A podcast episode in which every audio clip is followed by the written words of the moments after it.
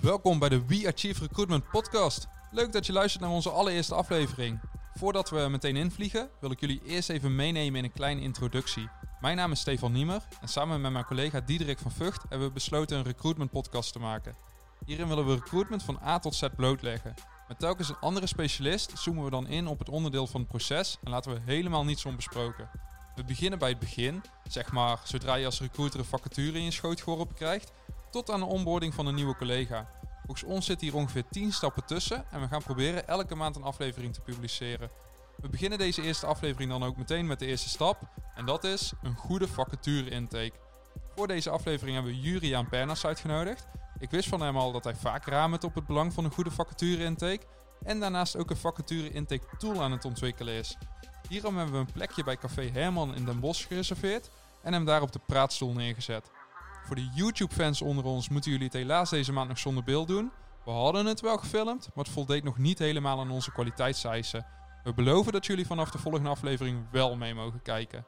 Laten we niet langer wachten. Heel veel plezier met deze allereerste aflevering. Dus Juriaan, welkom. Ja, leuk. Dankjewel eh, heren. Welkom. Te gek initiatief. En ja, tof, eh, tof dat ik eh, bij de eerste, eerste opname uitgenodigd ben. Leuk. Yes. Ja, Ja, misschien goed om jou- jezelf voor te stellen. Ja. Weet jullie wie je bent. Eh, Ja, de luisteraars ja. weten dat niet. Dus Ja, nee, is dat je kunnen doen. zeker. Eh Juriaan, Juriaan Pennaerts, geboren en getogen in Tilburg. Dus wel te horen, denk ik. Ehm, ik. Ik zit nu een jaar of zeven in het recruitmentvak. Altijd als recruitment consultant werkzaam geweest bij, bij verschillende bureaus. Eerst een... eh, een onderwijs, eh, onderwijs eh, uitzendbureau, detachering, detacheringsclub. En daarna bij een landelijke organisatie die actief is met name marketing, communicatie, vaste functies, interim, ook freelance. En ehm, ja, nog niet zo lang, een maand of vijf, zes geleden de knoop doorgehakt en voor mezelf begonnen. Tof. Hoe bevalt dat? ja, supergoed, supergoed. On- ondanks een rare tijd waar we nu in zitten, eh, ja, ben ik gewoon heel erg blij met, met die eh, vrijheid en die zelfstandigheid. Eh, ja, en de manier waarop ik echt denk dat ik het, ja, het meest effectief voor mijn klanten recruitment neer kan zetten. Ja. Daar heb ik nu alle vrijheid voor en dat is, dat is fijn. Ja, Ja, tof. Ja. Ja. Ja, want je haalt het zelf al aan inderdaad. Hè? Rare tijd, ja, coronatijd. ja. Ehm, ja, misschien is het goed dat we daar zo op terugkomen inderdaad. Want, want hoe, ben je ooit in het recruitment terechtgekomen? Ja, goede vraag. ik ga jullie niet lastigvallen met mijn, met mijn cv, want eh, de rode draad is ver te zoeken. Ik heb even zitten kijken, kunstacademie Ja, nee, ik, ik, ik ben kunsthistoricus van origine. Dus eh, Zo, het is ja, geen kunstacademie, maar, maar ja, theoreticus. Uh, architectuurgeschiedenis, monumentenzorg is eigenlijk mijn, eh, mijn specialisme. Ik ben eh, via een omweg ehm, kunstbeleid, eh, kunstbeleid en management gaan doen. Terechtgekomen bij Triodos Bank in Zeist, eh, op de afdeling eh, kunst en cultuur. Triodos Bank is een van de weinige banken nog steeds die eh, eh, cultuurfinanciering niet als verliesfinanciering beschouwt. Ehm, en ehm, vanuit daar, nou ja, eigenlijk eh, met name met marketing, B2B marketing in aanraking gekomen.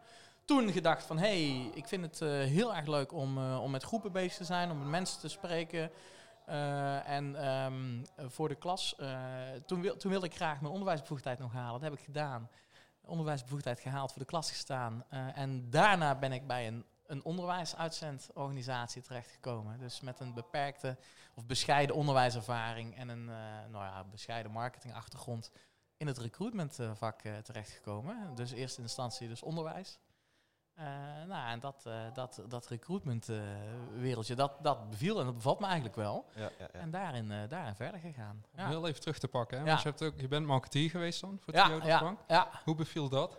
Ja, supergoed. Um, ook, ook daar weer hè, was ik uh, in dat opzicht vreemde eend in de buit. Want ik had geen marketingachtergrond of geen commerciële economie gedaan. Um, maar ik ben, ik ben na, na een stage bij Triodos Bank toen teruggevraagd door uh, Roel Welsing. Dus, uh, was hoofd marketing, communicatie van Triodos Bank. En Triodos Bank was heel sterk aan timmeren aan de, de, de, de marketing- en consumentenkant, B2C. Uh, maar B2B bleef daarin achter en dat was kwalijk, want we kregen wel steeds meer spaarders. Maar dat spaargeld moest ook uitgezet worden in krediet. Dus wij moesten aan de bak met duidelijk maken wat we voor duurzame groene ondernemers kunnen doen als, uh, konden doen als bank. Ja. Nou, en daar zijn we bezig geweest met segmentering van de markt, met verkoopplannen maken. Ja, dus als we zeggen, oké, okay, we gaan in, uh, de, in de ouderenzorg uh, investeren, we willen daar ondernemers financieren. Nou, welke niches heb je het dan over? Dus dan kom je bijvoorbeeld bij eh, kleinschalige uh, ouderenzorgvoorzieningen, maar bijvoorbeeld ook hospices. dus, dus ja, dat, dus op die manier heb ik het, het marketingvak eigenlijk van, nou, van, van Roel, van Roel Welsing geleerd. Eh, en en nou, waardevolle ervaring, waardevolle kennis opgedaan, die ik nu, nu, ja, nu meeneem ook als, als zelfstandig ondernemer. Want dat wou ik wel, dat wou ik ook even aanhalen. Want wat je ziet in de recruitment vind ik dat, recruit, of dat marketing nog eigenlijk te weinig belicht is. Daar ja. heel veel stappen in kunnen zetten. Ja, abso absoluut waar, weet je. En zeker als je, als je recruitment afzet tegen, tegen gewoon de consumentenmarkt. Hè? Ik bedoel, laatst ook, of een tijdje terug las ik een artikel en daar zijn ook veel awards over, dat we zeggen van, hé, hey, we hebben iets ontwikkeld waarmee je nou als sollicitant kun je dus inzicht hebben in het sollicitatieproces. Hè? Dus je kunt kijken van oké, waar ben ik ergens en wat kan ik nog verwachten? En dan, ja, natuurlijk. Dus geweldig. Fijn. Want, want het geeft inzicht en dan moeten we veel meer doen. Maar van de andere kant, ja jongens, hoe lang kunnen we al die een track en trace code zien? Hoe lang het duurt waar ons pakketje komt? dus precies. Dus, dus, dus we, we, we, en dat is ook een beetje hoe, hoe de recruitmentwereld in elkaar zit. En daarom is het ook super interessant. We hebben heel veel ontwikkeld de afgelopen jaren. En dat is supergoed. En dat moeten we ook blijven doen. Maar het was ook wel achterstallig onderhoud. Ja. Ik bedoel, let's, let's be honest. Ja, uh, het werd echt hoogste tijd. En het is precies ook wat je zegt, Stefan. Ja, uh, marketing is nog steeds, um, wordt nog steeds ja, af en toe naar gekeken van, hmm, hmm, wat moeten we ermee? Maar kom op man, als, je, als, je, als je die kandidaat over wil halen, dat hij op die knop klikt hey, uh, ga meten. Uh, ga, ga, denken waar, waarmee je hem uh, kunt verleiden. Zorg dat je zichtbaar bent. Dat is allemaal marketing. Het is marketing. Ja, het is het eigenlijk hetzelfde inderdaad. Ik, ik, ik haal dat zelf vaak ook aan bij, bij klanten. Ehm, op het moment dat, dat jij vanavond iets ziet, hè, je ziet, uh, ik noem maar wat, een product voorbij komen, een nieuw product. Je denkt, hé, hey, dat is handig, dat wil ik bestellen. Uh, en dat duurt vijf minuten voordat je dat kan bestellen. Uh, haak je af. Ja. dat geldt voor sollicitant net zo. Ja. Hè, sollicitant moet snel kunnen solliciteren. Die, die drempel om te solliciteren, die moet zo laag mogelijk zijn. En daar heb je gewoon marketingtrucs met, met ATS kunnen aanwerken. Hoe ziet je sollicitatieformulier eruit? Ja. dat zijn allemaal, allemaal dingen die, die niet te weinig gebeuren. Ja, ik denk als je die parallel doortrekt, ook, ook met, met marketing en dan met name consumenten marketing, hè, dan uh, is het ook wel grappig hoe, hoe, hoe, als je dan kijkt hoe wij vacatures in de markt zetten. Hè, bijvoorbeeld op LinkedIn. Uh, wij we beginnen heel vaak de formulering met van voor mijn opdrachtgever zoek ik. Maar stel dat je dat nou vertaalt naar hoe een koffiezetapparaat op bol.com of Coolblue wordt aangeboden. Die zeggen ook niet van voor koffieliefhebbers of voor liefhebbers van sterke espresso hebben wij nou, zoeken wij, hè, of wij zoeken koffieliefhebbers omdat we hier een prachtig product hebben. Exact. nee, Kom, kom gewoon. Je hebt een etalage, of het nou een koffiezetapparaat is of een vacature, een supermooie baan. Hup, voor de draad ermee. Die moet centraal staan. En niet van ik ben op zoek naar. Nee, wat is je aanbod? Wat is je aanbod? Dan komen die, die, die mensen die je wil hebben, als het goed is, vanzelf wel. Ja, ja tof dat je dat zegt. Ja.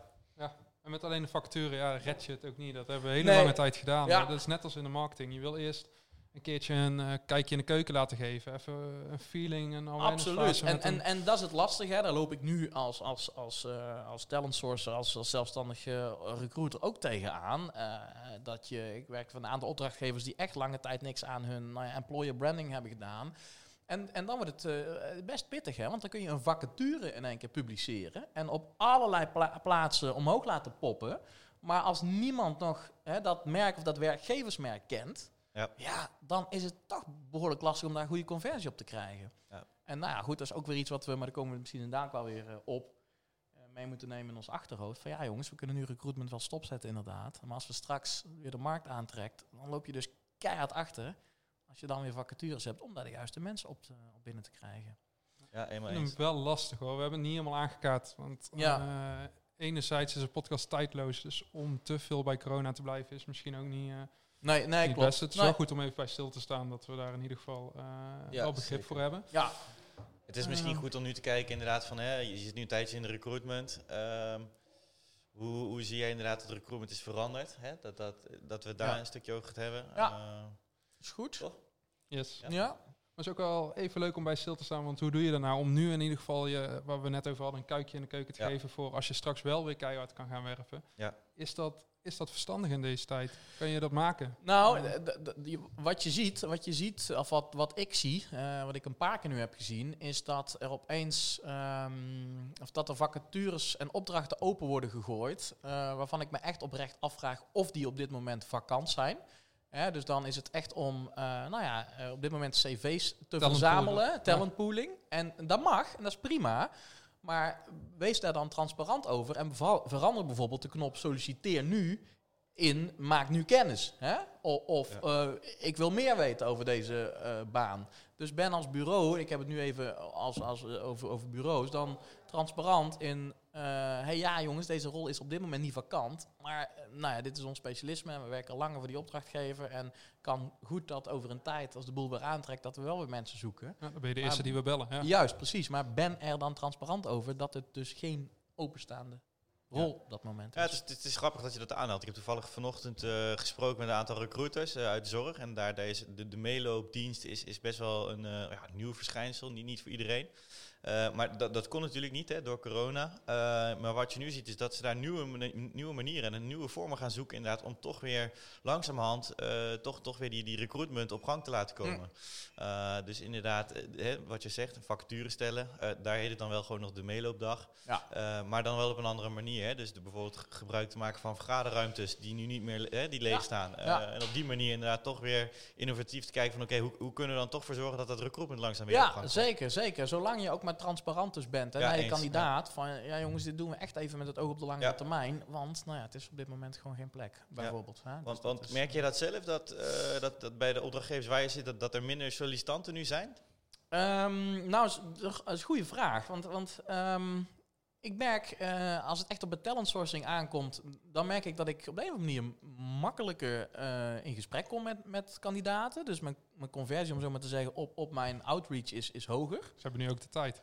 Ze hebben de tijd, ze zijn thuis. Het wil nog niet zeggen dat ze meteen eh, geïnteresseerd zijn in een overstap. Dat is ook niet mijn eerste bericht hè, waarmee ik me binnenval. Eerst maar eens even rustig kennis maken. Ja, ja. Ehm, maar ik kan me wel voorstellen, even ja, mezelf verplaatsend in, in de schoenen van iemand die eh, nou, ergens in dienst is en eh, ja, eh, misschien latent om zich heen aan het kijken is, dat dit niet een ideale tijd is om nu een overstap te maken. Ja, aan de andere kant, kunnen we daar als werkgever zijn er juist niet op inspelen door dat stukje onzekerheid weg te nemen en te zeggen van, hè, we bieden jou meteen een vast contract. Absoluut, absoluut. Als je, dat heeft ook weer te maken met, met inzicht geven in waar je als onderneming staat. En als jij Ja. zegt van, hé, hey, ja, maar wij zitten in een markt waarin dingen doorlopen of waar we juist groeikansen zien.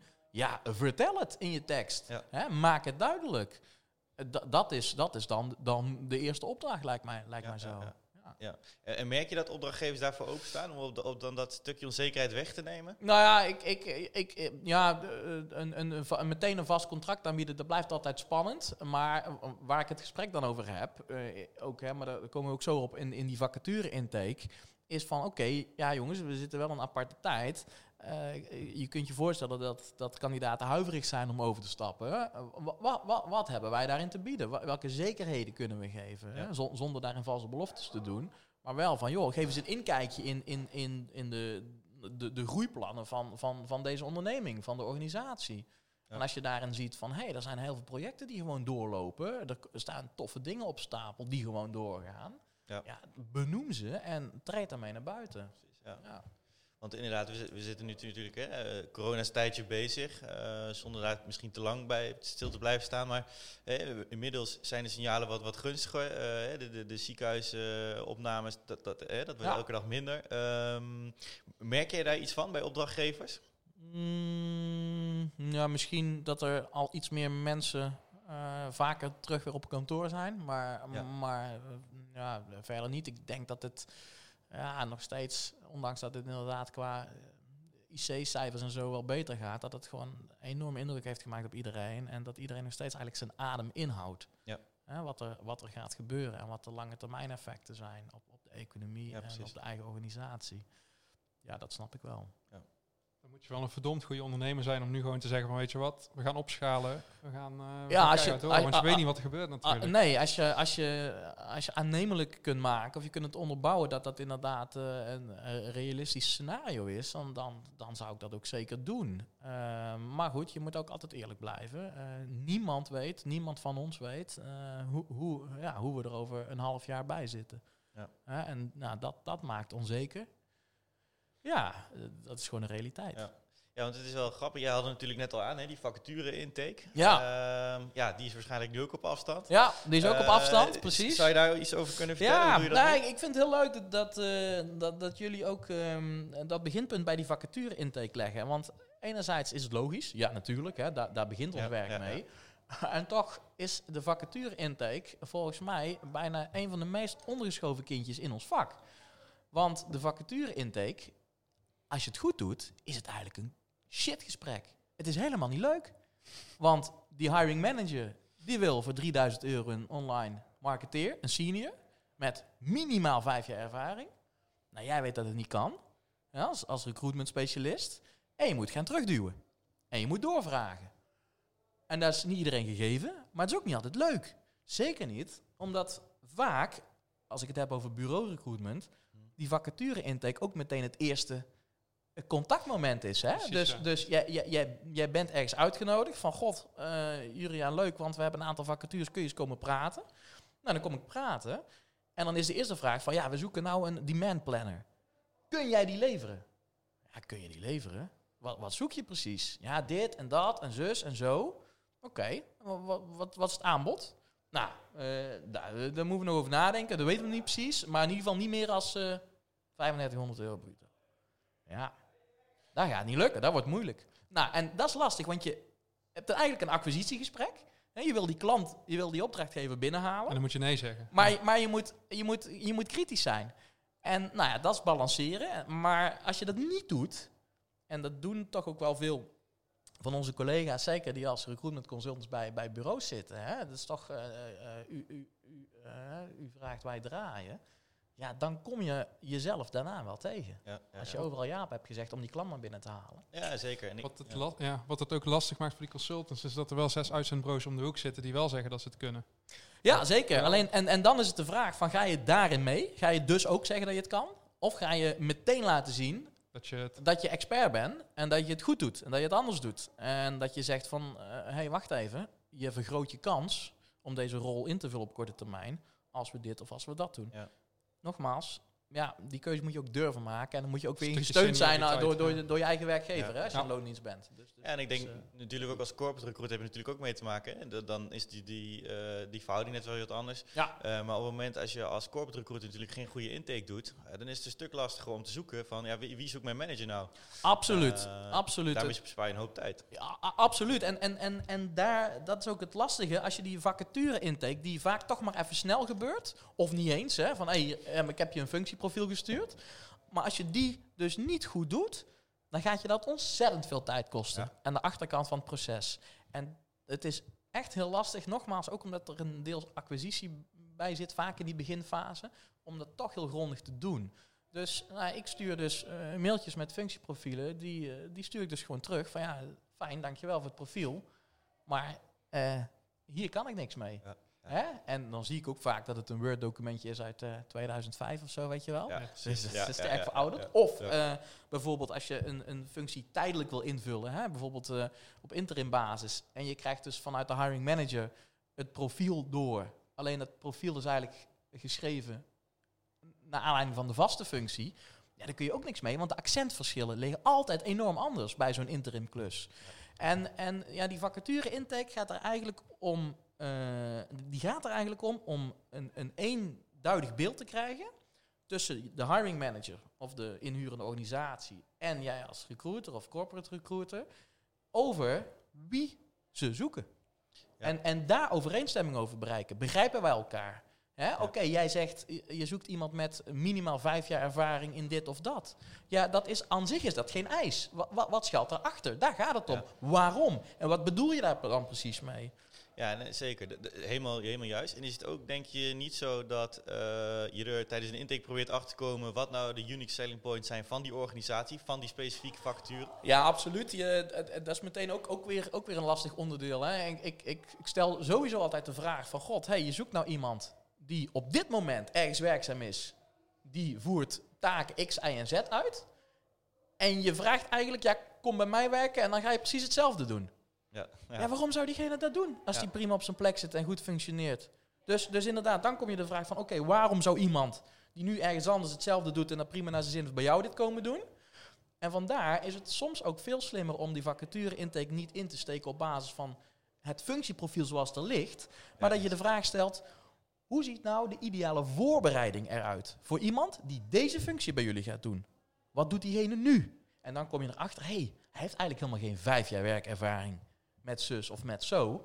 Hij heeft er drie, of misschien niet eens. Want eh, hij komt uit een andere sector of andere branche. Maar diegene heeft wel die en die vaardigheden, die skills ontwikkeld in zijn, in zijn werk. En zou daarmee, voor hem of haar, zou daarmee deze rol een hele mooie vervolgstap kunnen zijn. Maar dat is een fundamenteel andere invalshoek. Want let's face it, heel veel hiring managers willen gewoon iemand hebben die ken wat er gevraagd wordt. Alleen zo zit een loopbaanpad vaak niet in elkaar. Dat is precies wat je zoekt uit zo'n intakegesprek. Ja, Als je precies. dat hebt, dan weet je waar je mee naar buiten kan. Absoluut, absoluut. Want dan heb je meteen eigenlijk die poolfactoren. Hè? En dan kun je aannemelijk maken voor degene die je zoekt dat dit een passende vervolgstap is in iemand zijn of haar carrière. Zeker ten aanzien van vaste banen is dit natuurlijk. Ja, eh, ja. Hebben jullie, eh, ik heb drie interim opdrachten gedaan bij best wel grote bedrijven. En dan heb ik structureel meegemaakt dat ze een eh, vacature intake formulier hebben die gemaild wordt. Ja, Ken, eh, kennen ja jullie dit? ken het. Ja, Ja, ja, ken het. zeker. Ja. Ja, dat, dat Ja, is al jullie jullie lachen. Ja, nou ja, wa- wa- wat je vaak ziet is dat eh, dat dan via de mail binnenkomt. Eh, hè, op, op vrijdagmiddag om een uur of half vijf, kwart voor En vijf. morgen moet hij online. En, eh, Ja. Morgen moet maar. online. eh, verpleegkundige vacature. Dan krijg je iets doorgestuurd van eh, nou, anderhalf jaar geleden. Heel ander team. Eh, en, en dat is ook wat, wat jij zegt inderdaad. Iraan. De accentverschillen zijn heel anders. Ja. Eh, bij het ene team kan een verpleegkundige hele andere taken en verantwoordelijkheden hebben dan bij een andere eh, team. Ja, daarom moet ik altijd zo lachen om de vraag van... eh, eh, eh, voor een tijd terug toen bij een technisch bedrijf... en dan vroegen ze van... ja, heb je, heb je vaker een, structural engineer geworven? En nee. Oh, wow, dan ben jij niet de recruiter die we zoeken. Ja, maar wa- wat denk je dan? Dat als ik een structural engineer heb geworven... dat ik dan meteen begrijp wat jullie nu zoek- zoeken? Dat zou betekenen dat het eerste beste cv dat ik van LinkedIn aftrek... dat dat gewoon de juiste match is, toch? Structural engineer. Nee, nee, nee. Want als je dat dan doet, dan zul je zien. Nee, nee, nee, want die heeft te weinig ervaring met dit. Nee, want we zoeken nu iemand die bijvoorbeeld zelfstandig uit de voeten kan met het eh, berekenen van, van vakwerkconstructies. Oh? Oh, oké. Hmm. Wordt die al anders? Dus ook die vraag van, heb je ervaring met, of ik ben specialist in recruitment op het vlak van, bepaalde niches of bepaalde beroepsgroepen. Ja, ik, ik zie die zelf niet zo. Dus ik vind ook zoiets als een relevant netwerk, vind ik ook zoiets. Eh, eh, Als je een goede vacature intake doet, echt een goede vacature intake doet, dan heb je helemaal geen relevant netwerk nodig. En dan heb je ook helemaal niet eh, de, de bewijslast nodig dat je zegt van ja, ik heb deze functie al eens vaker gedaan. Ja, hoezo? Wa- Wat, wat, wat zegt dat? Zoals elke werknemer, elke professional anders in elkaar steekt, steekt ook elke functie of elke vacature anders in elkaar. En elke vacature heeft wat dat betreft wel die aandacht nodig. Ik vind sowieso een relevant netwerk hebben vind ik heel raar soms. Want als het voor vaste functies gaat, wat heb je dan aan een relevant netwerk? Zijn er dan mensen die elke keer overstappen? Of Ja, keer- zeker. Dat is, dat is ook een goeie. Hè? Van, van, eh, ik zeg altijd van ja, het, het schuiven met dezelfde poppetjes dat heeft niks Ja. met recruitment te maken. Nee, hè? Da, Nee. da- dat willen we niet. Nee. En daarnaast, ja, relevant netwerk. Eh, ik vind het wel grappig, want ik, ik zit nu ook bij een opdrachtgever. En nu ben ik eh, voor buitendienstmonteurs aan het zoeken. Dan voor een mechanical engineer. Nou, voor, voor operationeel inkoop. Nou ja, vraag mij maar wat mijn relevant netwerk is in al die functiegroepen. Ik bedoel, Ja. no way. Natuurlijk heb ik geen relevant netwerk in al die functie, in, in al die beroepsgroepen. Misschien zelfs in geen één van alle, Nee, weet ik- je wel? Ik, ik denk Nou, als, hè, als je, ja, ik denk als je goede recruiter bent, dan maakt het niet uit in welke branche je zit. Dan vind je altijd de juiste mensen. Precies. Ehm, als je de juiste vragen stelt. Ja. Het, trucje blijft hetzelfde Ja. natuurlijk. Dus dat- Ja, dat- absoluut, ja. absoluut. En, en eh, ja, nogmaals, we moeten echt er, daar tijd voor durven te nemen. En dan laat je je eh, eh, zeker niet opjagen door zes andere conculega's. Weet je, sterker nog, laat die andere eh uitzendbureaus of, of werving- en selectiebureaus maar lekker met zo'n verouderd functieprofiel aan de slag gaan. Want ze gaan die rol toch niet invullen. Ze gaan heel veel cv's sturen. Prima. Ja. Maar laat ze maar. Laat ze maar. Jij kunt je onderscheiden. Tijdverspilling. Ja. Frustratie. Onbegrip aan alle kanten van de tafel. Want zo'n werkgever zegt, ja, maar dit is niet wat ik zoek. Die recruiter die zegt van, ja, maar je zegt, je zegt dat je dit zoekt en ik lever dat toch aan, maar je zegt dat het niet klopt. Ja, ja, nou, ja. dan heb je daar al een, een, een, een, een, een, een, eh, hoe heet dat? Een, een meningsverschil. En dan heb je nog natuurlijk die kandidaat die daar uiteindelijk de dupe van is. Want die komt op gesprek en die staat aan een half uur alweer buiten omdat hij heeft gemerkt van nee, dit, dit, dit is helemaal niet wat ik zoek. En die manager die heeft me ook eh, eigenlijk eh, aangekeken van joh, wat, kom je eigenlijk doen? Weet je, dus aan alle kanten van de tafel heb je dus een slecht verhaal. Dus nou ja, dat is ook wel onze, onze rol en onze taak om, om voor al die partijen betrokken in, in ons proces, om die ervaring zo prettig mogelijk te maken. Dat is onze verantwoordelijkheid en daarmee moet je dus gewoon eh, je, je, je huiswerk goed doen en een goed begin maken van die vacature. En dat is die vacature intake. Daarin eh, ja, dan kan je het ook niet maken tegenover de sollicitant natuurlijk. Want eerst komt hij op gesprek bij het uitzendbureau. Doet het uitzendbureau? Die verkoopt die baan. Die maakt Ja. hem helemaal lekker. Dat Ja. is voor jou op lijf geschreven. Ja. eh, noem het maar op. En dan inderdaad heb je nog een gesprek bij zo'n hiring manager. Ja. En dan blijkt het allemaal niet te klippen. Ben je wel al twee keer op gesprek geweest. Ja, zeker. Dus het gaat heel veel tijd in zitten voor, voor iedereen. En ik denk ook dat, eh, dat ligt een beetje in het verlengde ook van die vacature intake. Het gaat niet alleen om het begrijpen van eh, de professional die ze nodig hebben. En ook eh, breder het, het, het begrijpen van de wervingsbehoeften van die inhuurorganisatie. Maar eh, wij mogen ons ook wel iets meer bemoeien met, eh, met de interne procedure verder. Verderop, hè? dat, eens. dat- ik bedoel, die, die, die sollicitant is onze klant. Zo zie ik het althans. Ja. Hè? Die, Mhm. die kandidaat is mijn klant. En als ik eh, zeg van, hé, hey, jij moet daar eens gaan praten, want dat is toch interessant wat ze daar doen en jij kunt daar misschien van toegevoegde waarde zijn, dan wil ik ook dat mijn klant daar een goed proces krijgt en een goed, een goed gesprek heeft. Eh, en niet in één keer allerlei rare dingen gebeuren van ja, maar ja, voor jou gaan we geen 3500 betalen, want jouw ervaring dit. Of eh, oeh, ja, we hebben toch ingevuld met interne kandidaat. Ja. Ja, maar dat, dat, dat kan dan niet. Want, Ja. je, want je hebt met mijn klant te maken, dus je moet je zorgen dat je spul op orde hebt en je proces goed Ja, ingericht. zeker. Ja. Ja. en, en ook het beeld natuurlijk, wat je schetst in de vacature, moet even overeenkomen natuurlijk met, met de werkelijkheid. Hè. Eh, Ja. Moet niet een soort window shopping gaan doen waarin de etalage hartstikke mooi lijkt en eenmaal binnen eh, nee, nee, een dan, hele andere job nee, is. ik denk dan als je dat doet, dan eh, zou je zeggen hè, in onze markt dat je dan snel uitgerecruit bent. Uh, dat is op de een of andere manier niet zo. Hè? We zien zeker grote werving- en selectiebureaus die ja, op de een of andere manier toch ja, vacatures blijven uitpoepen, om zo maar te zeggen. Waarvan ik echt Ja. afvraag van god, eh, hoe interessant is zo'n is zo'n functie nu echt? Ja, van de andere kant denk ik, ehm, het, het, is heel, het is ook wel heel, eh, soms wel lastig hoor, om als, om als recruiter, zeker als externe recruiter, daar, daar precies de vinger op, op te leggen. Maar ook dat is weer een kwestie van doorvragen. Ja, ja. Hè, van, eh, van god, oké, je zoekt operationeel inkoop bijvoorbeeld. Hoe ziet dat proces er nu uit? Hè? Komt iemand echt in een situatie terecht waarin alles opgetuigd moet worden? Wat staat er al? En wat, wat, wat kun je dan redelijkerwijs ook van die persoon verwachten? Ja, precies. Ja. Ja, want eh, je hebt nu, we zijn nu een aan het praten over inderdaad Ja. een vacature intake. Ehm, werk jij volgens een vast termijn? Of, of hoe, hoe, Ja. hoe, ja, wat, Ja. hoe ziet jouw ideale intake eruit? Eh, ja, is wel leuk dat je vraagt. Ik, ik, ik heb eh, één, één ding mezelf voorgenomen, ook toen ik, toen ik als zelfstandig recruiter ben gaan werken, van ja, die vacature intake die ga ik heel goed doen. Eh, want daar ga, ik, daar, ga ik, daar ga ik de winst mee, eh, mee halen, zeg maar. Daar Ja. ga ik hem mee pakken.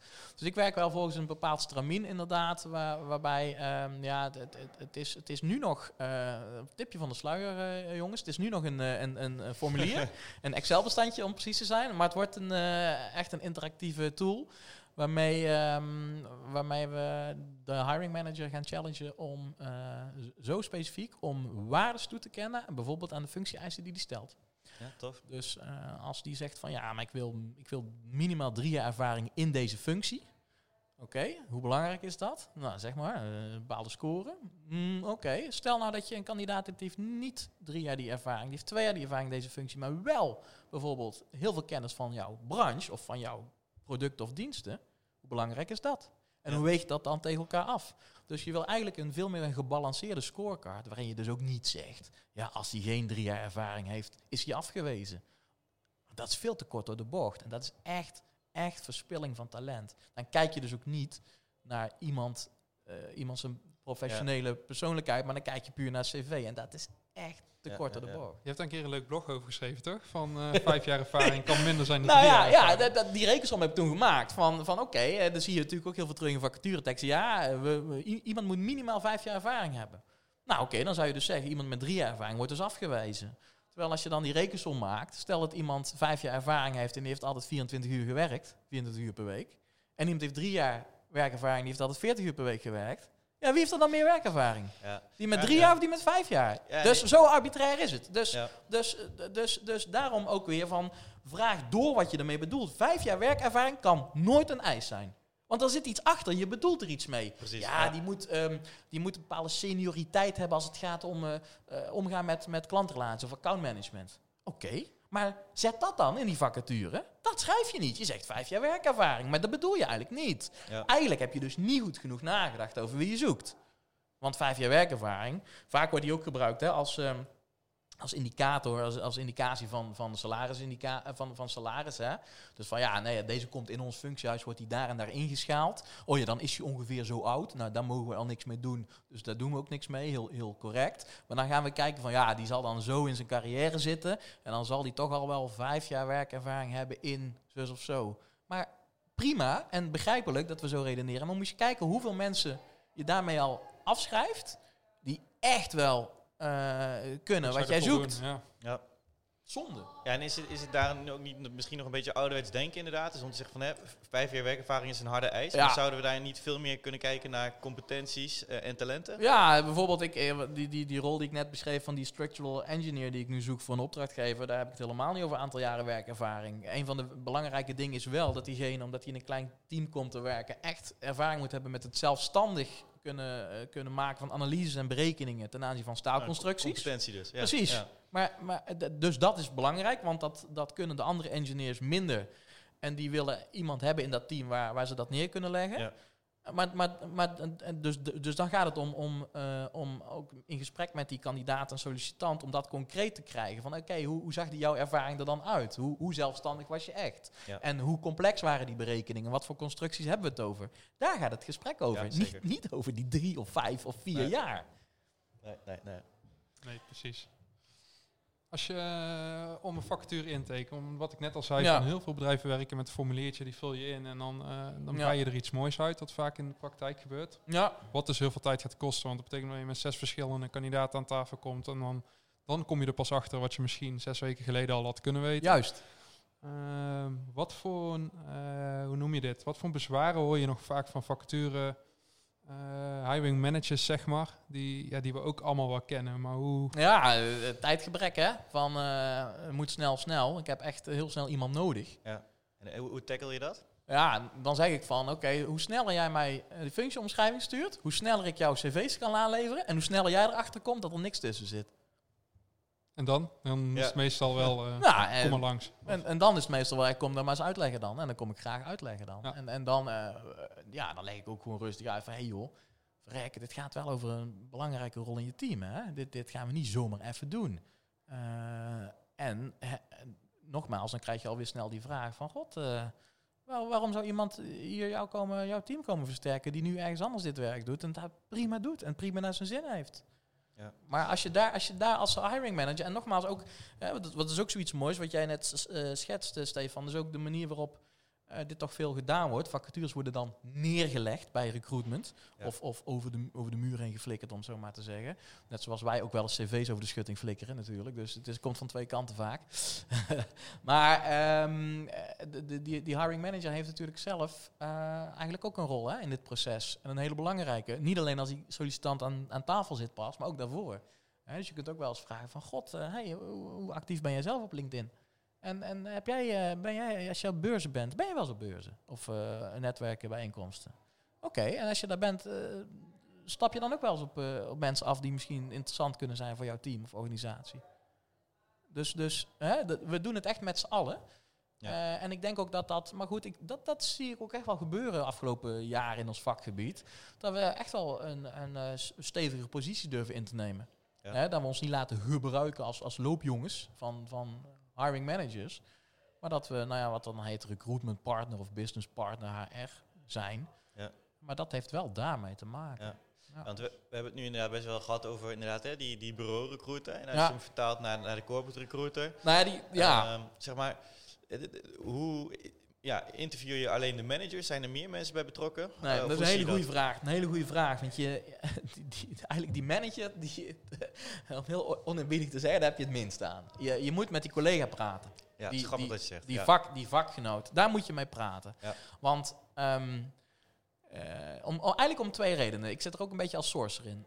Ehm, ten eerste het kan diegene gewoon het beste vertellen hoe het echt is, hoe het werk in elkaar zit. Ja. En het tweede is, en daar doe ik echt mijn voordeel mee, die mensen die gebruiken het jargon, die gebruiken de woorden, de zoektermen, de keywords, al die woordjes die ik, niet alleen in mijn vacaturetekst, gebruiken. maar ook Ja. in mijn boolean search wil hebben. Die, eh, eh, laat ze maar ratelen. Niet Ja. die hiring manager, maar die vakgenoot, Ja. die collega. Ja, en, en die, die collega kan natuurlijk vaak ook veel meer vertellen over het team, de sfeer, de cultuur. Echt, echt die unique selling points van die vacature. Dat, daar staat een manager vaak verder vanaf. Ja, er staat dan verder vanaf. Eh, en en ehm, eh, kijk, die manager wil ik vooral eh, spreken als het eh, over nou ja, formaliteiten gaat, salaris, maar ook bijvoorbeeld als het over doorgroeimogelijkheden gaat. Dan, Ja. dan wil ik gewoon van diegene weten van oké, joh, hey, wat kun jij bieden? Wat heb jij te bieden? ja. Kun je aan die collega niet vragen. Maar zeker, die hiring manager, die heb je eigenlijk maar een kwartier nodig. Die collega een uur. Ja, ja, Wat ja. je ook aan die collega kan vragen is hoe je hem zou kunnen recruiten. Want als je dat weet, weet je ook hoe je zo'n soort gelijk absoluut, zeker, zeker. Van, eh, dit- dat is ook dat is wat ik vraag. Van god, eh, hey, joh, als, als je stel dat jij nou op zoek gaat naar een nieuwe baan, hè, wat, wat, eh, heel, je kijken, heel ja? letterlijk, maar ook wat typ je dan in hè, in Google? Wat, wat, wat, wat, wat, voor welke woorden gebruik je? En waar ga je naartoe? Ga je naar Indeed meteen, of ga je naar Google, of ga je LinkedIn zitten scrollen en doen, weet je? Dus, dus die dingen. Ik doe Ja. het ook heel vaak. En vaak zie je dan van, ja, maar ik ben helemaal niet op zoek naar een baan, dus ik weet dat niet. Maar als je dan een beetje doorvraagt van, oké, maar eh, eh, waarschijnlijk vind je je vak heel leuk. Ga je wel eens naar beurzen toe? Oh ja, ja, ik ga altijd in januari wel eens naar eh, techniek, werk, nog wat. eh. kijk, dan heb je leuke dingen, want daar moet je staan. Want absoluut, absoluut. En al die termen en al die, die namen, schrijf ze op. Niet onthouden, schrijf ze op in die, in die intake. Echt, Ja. op Ja. papier ermee, want Ja. Je, je, je wil ze niet vergeten. Want het zijn echt, het zijn de, ja, in, in, in het vakgebied van de talent sourcing dan echt de, ja, hoe zeg je dat, de poortjes waarmee je naar de juiste mensen toe, Ja. toe kan komen. Ja, ik- ze ook dat ja. ze je begrijpen dat je niet zo'n recruiter bent die weer eh, geen factuur intake gedaan heeft. Nee, absoluut. Hè. Het, heeft, het, absoluut. Het heeft in die zin ook, ook nog een functie. Hè. Dus dat betekent als je, als je dan als recruiter met eh, een kandidaat in gesprek komt, dat je ook iets te vertellen hebt. En dat, die, dat je ook, eh, en nogmaals, hè, je, daar geloof ik echt in, je hoeft niet heel diep gaan te kunnen snappen waar die professionals mee bezig zijn. Maar eh, eh, een algemeen beeld daarvan moet je weten. En een aantal ja, kernbegrippen, die moet je wel kennen. Want, want daar ga je het vertrouwen mee winnen met die kandidaat die je gaat spreken, met die sollicitant. Ja. en alleen daarom heb je ook echt dat gesprek nodig en niet dat, eh, die functieomschrijving, dat formuliertje. Ja. Dat kunnen ze Zeker. zelf wel lezen. Sowieso, hè, functieomschrijving is... Er was een tijdje terug een mooie discussie, volgens mij ook op, eh, op LinkedIn, eh naar aanleiding van, van eh, een post van, van Hung Lee over het verschil tussen een functieomschrijving en een job ad, hè, een, een, een wervingsadvertentie. Heel, heel vaak pakken wij die twee dingen samen, hè, maar dat is totaal niet hetzelfde. Hè. Functieomschrijving is gewoon een, een, een formeel stuk dat uit een, HR-handboek komt of uit een functiehuis, om zo maar te zeggen. Ja, Een advertentie, dat gaat over marketing. Eh, Dat, dat is iets heel anders. Hè, dus, dus, dus dat is wel interessant. En daarnaast ja, een functieomschrijving publiceren. Eh, st- Stel ook, ook daar maak je weer de vertaalslag, vind ik dan leuk, naar, naar marketing, consumentenmarketing. Hetzelfde als je, weet ik veel, eh witgoedspecialist bent en de koelkasten en, en eh Je wasmachines. online. Ja, die zeggen je gebruiksaanwijzing online. Of je plaatst ze in de etalage alleen maar met de, maar met- dan, dan met de achterkant naar buiten toe. Ja. De mensen Ja. naar de achterkant kijken. Want Ja. eh, ja, dat, dat is geen verkoop. Nee. En da, dat vind ik ook zo, ja, zo bijzonder wel in het recruitmentwereldje. Als je echt jouw, eh jouw, jouw, jouw, jouw vacature aanbod, hè, even vanuit, vanuit de werkgever, maar ook vanuit de bureau eh, recruiters. Als je jouw vacature aanbod echt ziet als jouw online etalage, ah, kom op. Dan kunnen we daar toch wel iets mooiers van maken. Ja. Zijn de dingen die we publi- publiceren dan echt etalagewaardig? Kom op, kom op. De, de, de lat mag hoger wat dat betreft. Ga maar eens rondkijken op Indeed. Ik denk dat echt gewoon acht van de tien bedrijven het nog gewoon een Het functieprofiel zijn online zetten. functieprofielen. En dan Indeed heeft nog het probleem, en eh, het is natuurlijk ook weer een soort technische discussie eh, van, je, van je ATS dat je gebruikt. Hè? Dus, dus welke invoervelden heb je?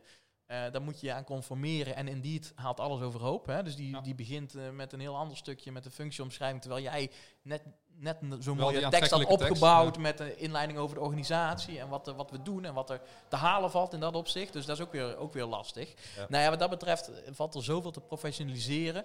Eh, schiet me even te binnen, eh, zijweggetje, Indeed, überhaupt, marktleider dan, hè? Een vacature, eh, jobboard. Ik heb daar een alert aan staan op, op corporate recruiter. Maar ja, jullie lachen wel, jullie kennen het waarschijnlijk ook wel. Krijg je dan in je inbox elke dag. Eh, we zoeken nou eh, eh, voorman stijgerwerken. Neem contact op met eh, Jan Jansen, corporate recruiter bij bouwbedrijf XL. Ja, Ja.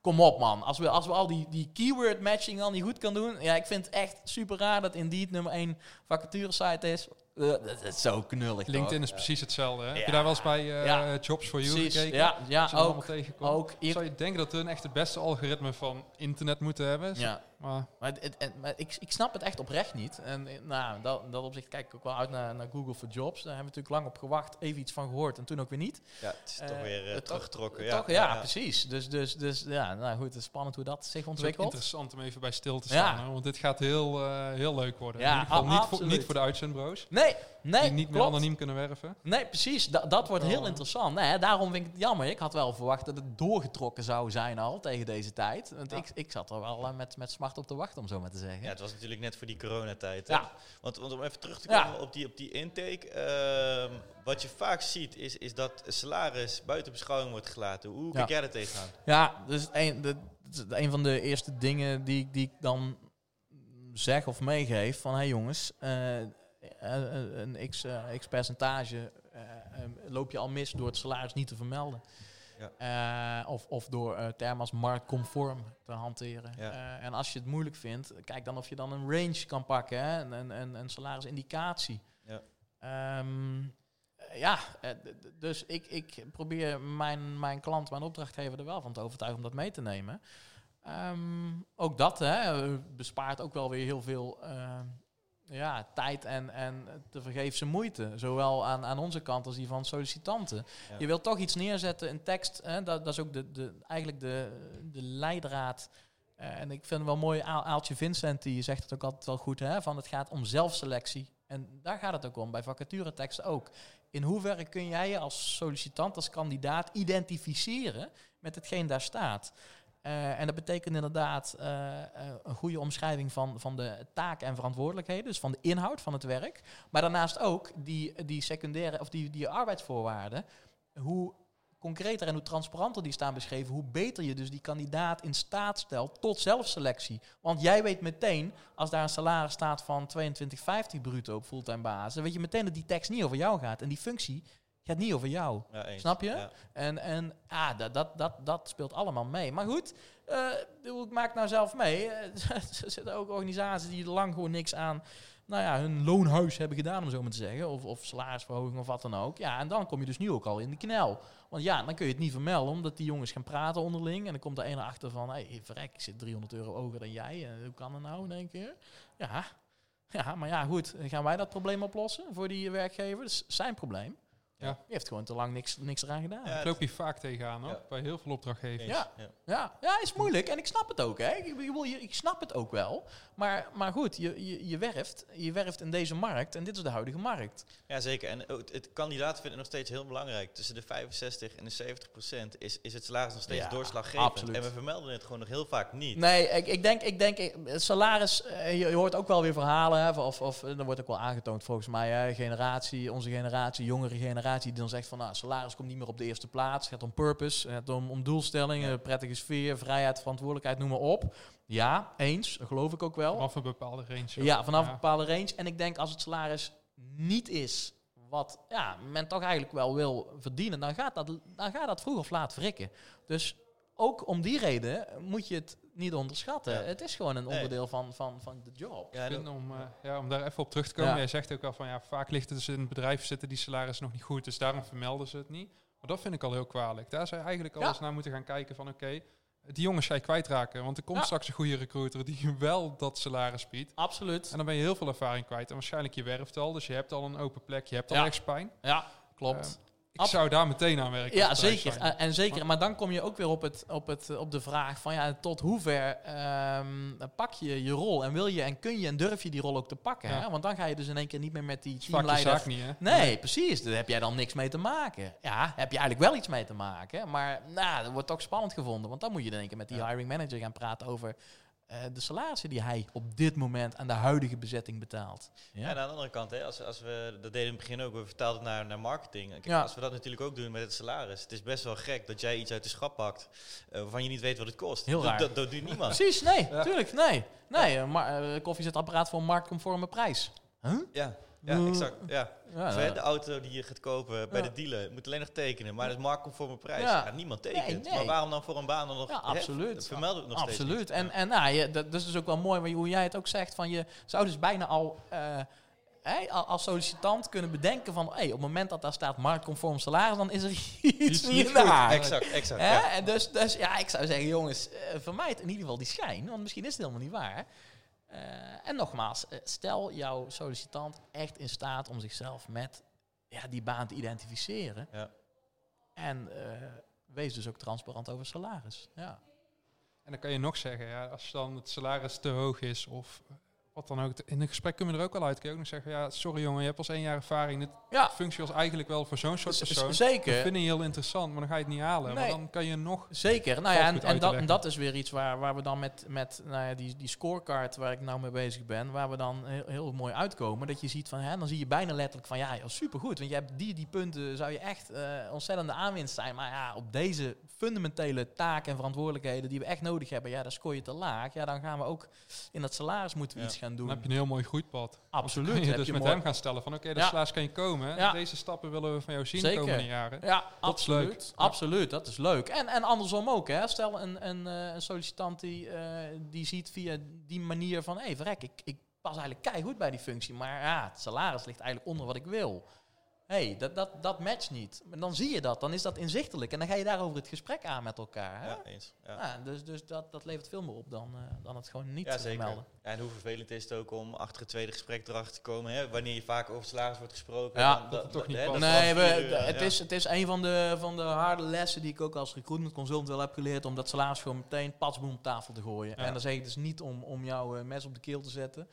Eh, maar we moeten het gewoon Ja, bespreken. gewoon want het gebeurt te vaak. ja. Ja, Ja. precies. Ja. Het gebeurt te vaak dat achteraf toch blijkt dat het... eh, maar goed, ook, ook, ook daar weer, eh, soms zie je ook wel weer dat sollicitanten, kandidaten zelf ook niet precies weten wat ze verdienen. Hè? Of, of dan toch nog eens goed gaan kijken, alles meenemend van de dertiende maand. En een aanvullende bonus misschien nog. Nou, hoe zit het met, met leaseauto? Dus ook, nou ja, ook, ook aan die kant van de tafel wordt, wordt de rekensom niet altijd goed gemaakt. En blijkt soms wel eens dat er iets, ja, toch nadeliger uitpakt dan in eerste instantie leek. Het is ook een Ja. leuk onderwerp om heel lang over uit te wijden. Van, eh, wat, ik vraag, eh, wat je dan vaak krijgt van, eh, ja, laat hem maar zijn salarisstrookje sturen. Ja, Dan kijken we wel ja, wat we ja, wat we ja, dat, dat, dat, Niks dat- is ik. Nee, ik, ik, ik, ik, ik weiger dat ook altijd als opdrachtgevers dat vragen van God. Ja, bijvoorbeeld eerst, ja, ik, wil, ik wil dan een cv en dan wil ik een referentie en een salarisstrook. Ja. joh, dat eh, kun je het vergeten. Ja, ja. En we gaan inderdaad eens kijken van eh, wat is iemands toegevoegde waarde eh, en wat, wat, wat, wat voor een, eh, kosten staan er tegenover. Wat, Ja. mag, wat mag zoiets kosten? Ja. Eh, ik denk dat het dan helemaal niet interessant is om te weten of iemand nou eh, 100 euro of 50 euro of twee tientjes ergens meer of minder heeft verdiend. Nee. Maar het gaat echt om die toegevoegde waarde. Wat, wat heb je Absoluut. ervoor over? Absoluut. En soms zijn die dingen ook moeilijk te meten. Hè? Ben laatst dan bezig geweest met, eh, met buitendienstmonteurs. Nou, dan kun je, kun je hele specifieke eisen op gaan stellen. hè, Ten Ja. aanzien van eh, ervaring met eh, elektrotechniek, bepaalde opleiding, mechatronica bijvoorbeeld. Maar ja, die jongens moeten gewoon op, op de bouw ingewikkelde constructie in elkaar zetten. Ja, mentaliteit is dan best wel een dingetje. Ja. Ja, dat, dat laat zich moeilijk meten. En ja, soms is- zie je dus ook wel eens jongens die eh, misschien minder ervaring hebben, maar die ja, een bepaald salaris vragen. Dat kan dan niet geboden worden, maar die gasten die, die, die zijn super bereid om ervoor te gaan. Ja. En dan wordt gezegd, ja, maar ja, dat is zo weinig ervaring of nog zo jong, ja, dan gaan we niet betalen. Ja, potverdorie hoor, je hebt net zelf gezien hoe belangrijk die mentaliteit is. Dat Ja. is ook iets waard, hè? Dat, dat, dat moet je ook vertalen in centen. Ja, zeker. En dat, is- dat is denk ik weer hè, waar we het straks ook over hadden, die, die competenties. Eh, Mhm. van hè, stel per functie vast welke Ja. competentie je daarvoor nodig hebt. Ja, ja en, en, ook, Eh, en ook hoe je hem concreet wil maken. Want, Ja, dan, want ja. dan kun je ook, ook dat weer die kandidaat duidelijk maken. Hè? Van, ehm, eh, ja, ook met afwijzen voorkomt dat dan weer een hoop eh, onduidelijkheid en frustratie. Want het is wel moeilijk hè, met skills en met competenties. Met name met competenties. Dat je zegt van ja, we, we vonden jou eh, niet gemotiveerd genoeg bijvoorbeeld. Dat, dat moet je wel beter, dat moet je nog nader uit kunnen leggen. Ja, eens, Eh, of ja. daar moet je voorbeelden bij kunnen noemen als je iemand op die manier eh, afwijst. Ja. Ik had dat laatst bijvoorbeeld toen een sollicitant afgewezen, omdat hij, ja, die maakte een hele nonchalante indruk. Toen zei ik hem dat aan de telefoon. En toen zei hij weer zo van, ik zeg van, god, begrijp je dat? Kun, kun je daar, kun je daar inkomen? Dat, dat, dat wij dat vinden, dat ik dat zo zeg. Toen zei hij, ja, nou ja, dat is, gewoon, eh, dat is gewoon hoe jullie het zien. Ja, er is niks aan te doen dan. Ik zeg, en dat is nou precies wat ik bedoel. Die, die, die reactie, bedoel, zit waarschijnlijk in je. En dat is ook niet erg. Je bent gewoon een toffe gast en eh, een leuke kerel. Maar joh, dat, dat, dat, dat geeft geen goed gevoel aan, aan onze kant van de tafel. Want dat is veel te los. Dus, dus, dus praat daarover. Maak dat concreet. En, Ja. en weet ook ja, wat je bedoelt als je dat zegt. Ja, het is wel grappig dat je dat aanhaalt inderdaad. Want, want dan schuilt daar ook niet het gevaar in dat we eh, mensen zoeken die op ons lijken. Hè? Dat, is, dat is mensen eigen. Altijd. Eh, Ja. Maar zouden we daar naar moeten kijken? Hè? Bijvoorbeeld, ik, ik weet niet wat voor profiel het gaat, maar ik Ja. kan me voorstellen dat het gewoon een eh, heel wat lompere monteur Ja. is. Dat dat prima zou passen in dat team. Zeker, dat kan. Dat kan, absoluut. absoluut. Ja, ja dat, dat, dat is ook zo. Ik merk wel weer van dat dan ja, een bepaalde nervositeit ontstaat aan, bij mijn klant, bij de hiring manager. Van, oh jee, wa- kan ik rekenen op die, op die gast? Dus dat snap ik wel.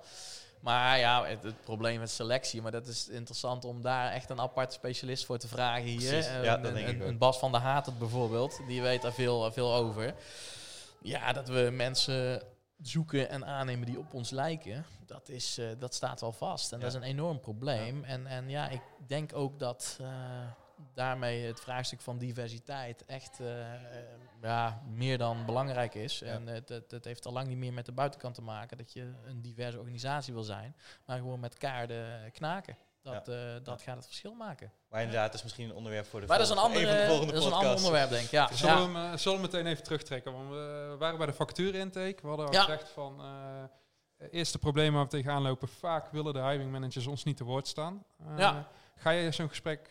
Ga, je- ga je dan werven voor zo'n functie Nee. als je echt niet... Nee. dat, dat, dat Nee. dacht ik al. Nee. Daarom vraag ik het ook. Nee, weet je, dan zet ik dan echt met alle liefde en plezier zet ik dan mijn concurrenten liever aan het werk. Ja. Ja, echt waar. Ik haal er zelf ook geen plezier van, dus waarom zou ik het doen? Nee. En eh, ja, je merkt, dan zal het altijd wel komen. Hè? Heb je ooit Ja. meegemaakt dat het niet... Wat, wat bedoel je? Dat, dat, eh, eerste instantie geen tijd voor een gesprek. Je zegt van... ja, nou, dan komen ze dan, terug, eh, dan komen ze terug, dan komen ze terug. Tuurlijk ze Uiteindelijk terug. Ja, weet je, ze, hun, hun belang is uiteindelijk te groot. En ja, ja en nogmaals, soms is het ook goed om meteen ja, duidelijk te maken waar je voor staat. Dat is En- de beste en- manier, hoor. anders loop je, lopen ze meteen over je heen en gaat het niet goed komen. Absoluut. En het is denk ik ook een soort van goodwill. Hè? De, de eerste keer eh, is dat lastig. Eh, de tweede keer als je ziet van eh, die match was echt heel veel beter dan eh, inderdaad hè? iemand die Ja. eh, snel even die, die functieomschrijving heeft gehad. Ja, dan, dan heb je het vertrouwen, dan heb je de goodwill. En dan zullen ze zien inderdaad dat ze de volgende keer wel die intake willen doen. Ja, zeker. En ik denk zelfs al eerder in het proces eh, creëer je wel eh, meer vertrouwen. Omdat, je- omdat Ja. je als je eenmaal met elkaar aan tafel zit of, of echt e- even belt met elkaar, eh, goed dat, dat profiel doorspreekt. Ja, dan merkt als het goed is die hiring manager ook wel dat je een aantal goede vragen stelt. En dat hij denkt van, hey, verrek, daar heb ik eigenlijk nog niet over nagedacht. En dan heb je denk ik al die 1-0 voorsprong. Dus ja, eh, ik zou het niet anders willen hoor, dan, Ja, dan op die ja. manier werken. Nee. Wat zijn eh, punten waar je het sowieso over hebt in zo'n gesprek? Kun je er zo een paar... Bij die vacature intake. Ja.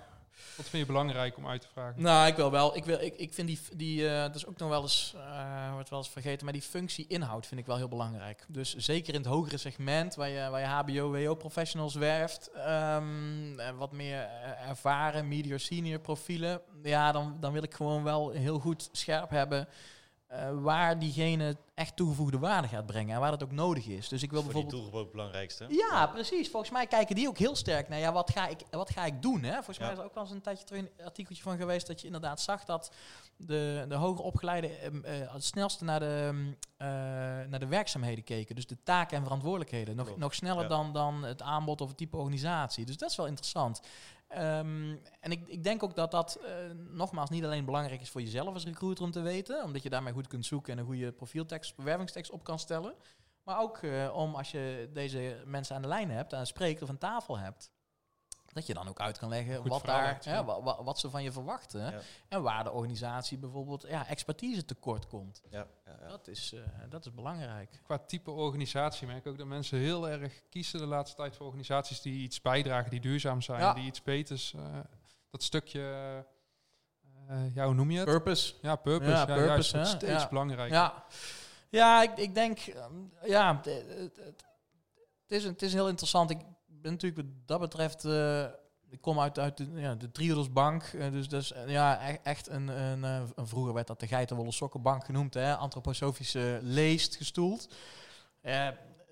Even even voor, voor, voor, voor luisteraars. een bank die echt zegt van... Ja, wij, wij financieren uitsluitend projecten, bedrijven, ondernemers... die echt een positieve impact willen maken op de samenleving.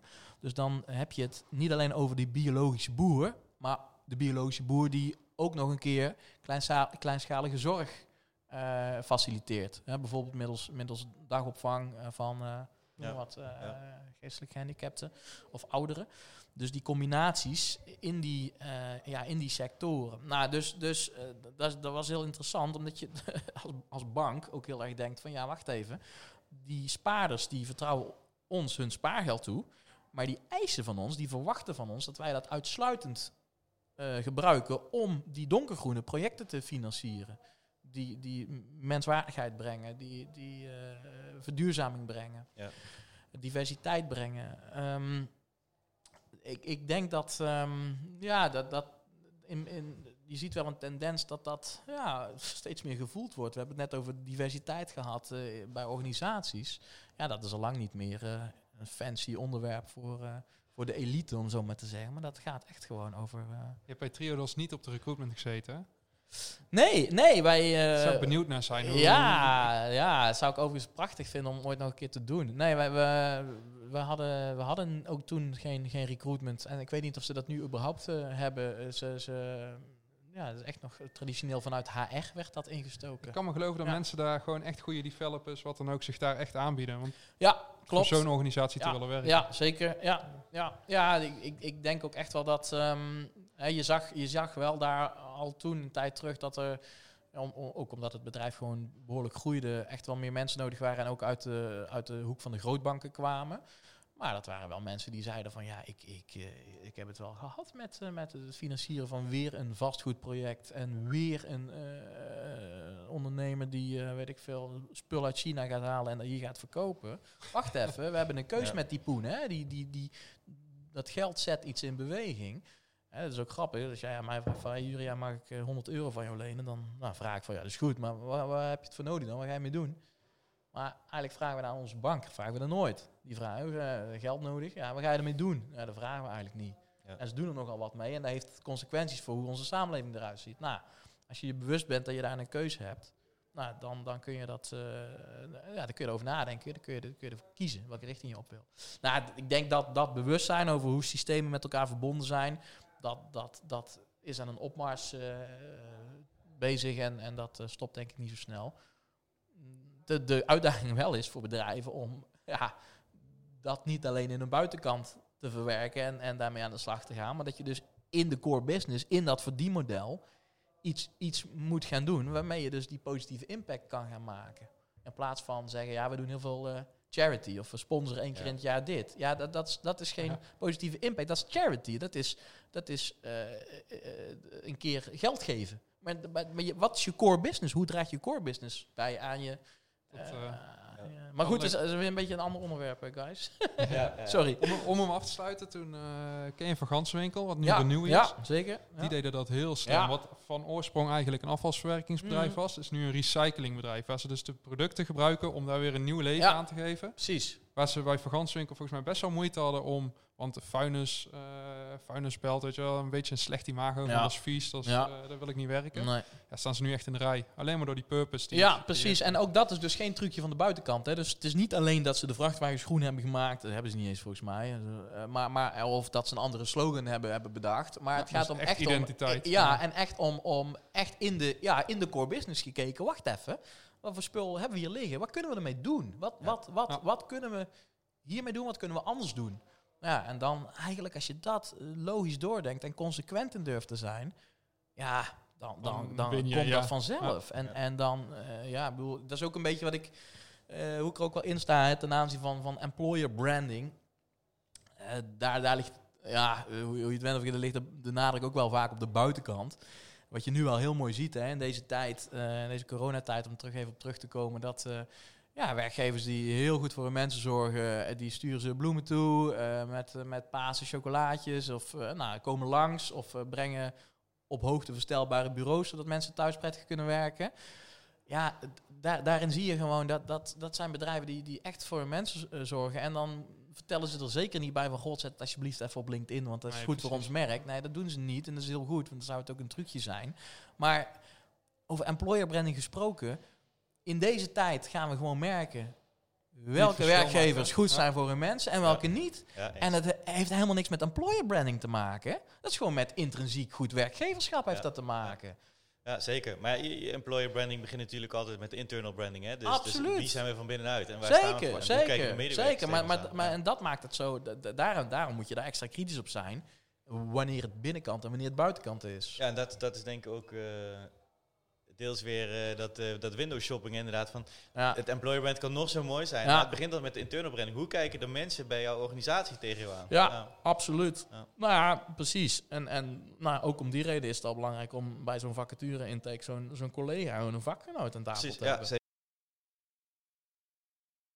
Die intake is natuurlijk ook, eh, jij zei dat straks een beetje gekscherend, van hè, de dozen schuiven, over de schutting Ja. gooien. Eh, met een goede intake word je ook veel meer eh, een recruiter als, als, als businesspartner, in plaats van inderdaad hè, de, de jongen of de vrouw Ja. die die dozen blijft doorschuiven. Absoluut, absoluut. Uh, daarmee kun je echt van toegevoegd Ja, ja, en, en, en het, het is, het is heel. Ik denk dat. Ik, ik zit wel eens na te denken van. God, jongens, hoe komt het nou eigenlijk dat we als, als recruitment-industrie. eigenlijk de afgelopen 30, 40 jaar. is er in ons businessmodel helemaal niet zoveel veranderd, hè? Vind je? Vind ik echt. Ik vraag me heel af hoe... eh, ik vind ons juist heel jong. Je hebt, eh, hoe lang heb je internet nu? 20 jaar? Ja, maar wat, wat, heeft, wat, heeft, wat heeft internet fundamenteel veranderd aan de manier waarop we zaken doen?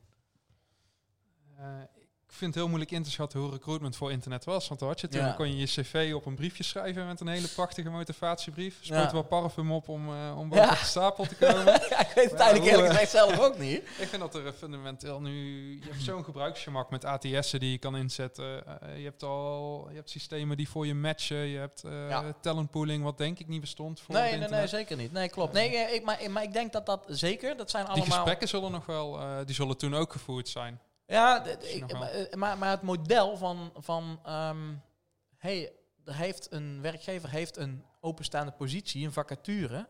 En als recruiter of, of werving- en selectiebureau kun je geld, kun je veel geld verdienen om die functie in te vullen. Dat, dat staat nog steeds min of meer overeind. We zijn nog steeds in onze branche, een heel groot deel van onze branche, nog steeds heel druk met het invullen van vacatures. Ja. En dus prima, dat is dus onze, onze core business eh, voor een deel. Anderen zitten meer op arbeidsmarktcommunicatie, employer branding, recruitment marketing. Dus het is allemaal eh, deelgebieden eromheen. Ehm, maar eh, het gaat nog steeds, om even terug te komen op jouw vraag. Ja. Het gaat nog steeds om dat, ja, dat aanleveren van het cv. En dan maar hopen dat, Dat die, die, valt, om zo maar te Ja. zeggen. En, en ja, dat maakt het soms ook wel pervers. Want er valt daarmee gewoon goed geld te verdienen. En dat is denk ik ook wel de reden waarom je nog steeds heel veel cv-schuivers ziet. Het is gewoon lucratief. Het, is, het, is, eh, het rendeert gewoon goed, goed genoeg. ja. Eh, alleen moet je het gewoon in grote volumes doen. Eh, maar ja, van de andere kant, ja, dat kun je eigenlijk niet maken. Moet je kijken welke collateral damage je eigenlijk hebt, hè, als je het Ja. op die manier doet. Hoeveel bagger je niet alleen ja, op het internet produceert, want het internet is wat dat betreft ook heel raar. Eh, Al in de consumentenmarkt, om weer, weer die vergelijking te trekken, hè, kunnen we reviews bekijken, we kunnen productinformatie bekijken, we kunnen eh, heel specifiek zoeken wat we wel of wat we niet willen kopen en wat anderen ervan vonden. Maar eh, internet en, en, en recruitment, het, het, het internet is gewoon veranderd in een woud van vacatures en interim opdrachten waar je door de boom het bos niet meer ziet. Ja. Want wie, wie, wie zijn al die partijtjes die, die die vacatures publiceren die je ergens anders ook al had gelezen? Toch? En, en eh, hè, om welke opdrachtgever gaat het nou? Hey, is dat niet dezelfde Ja. vacature die ik daar ook terug zag komen?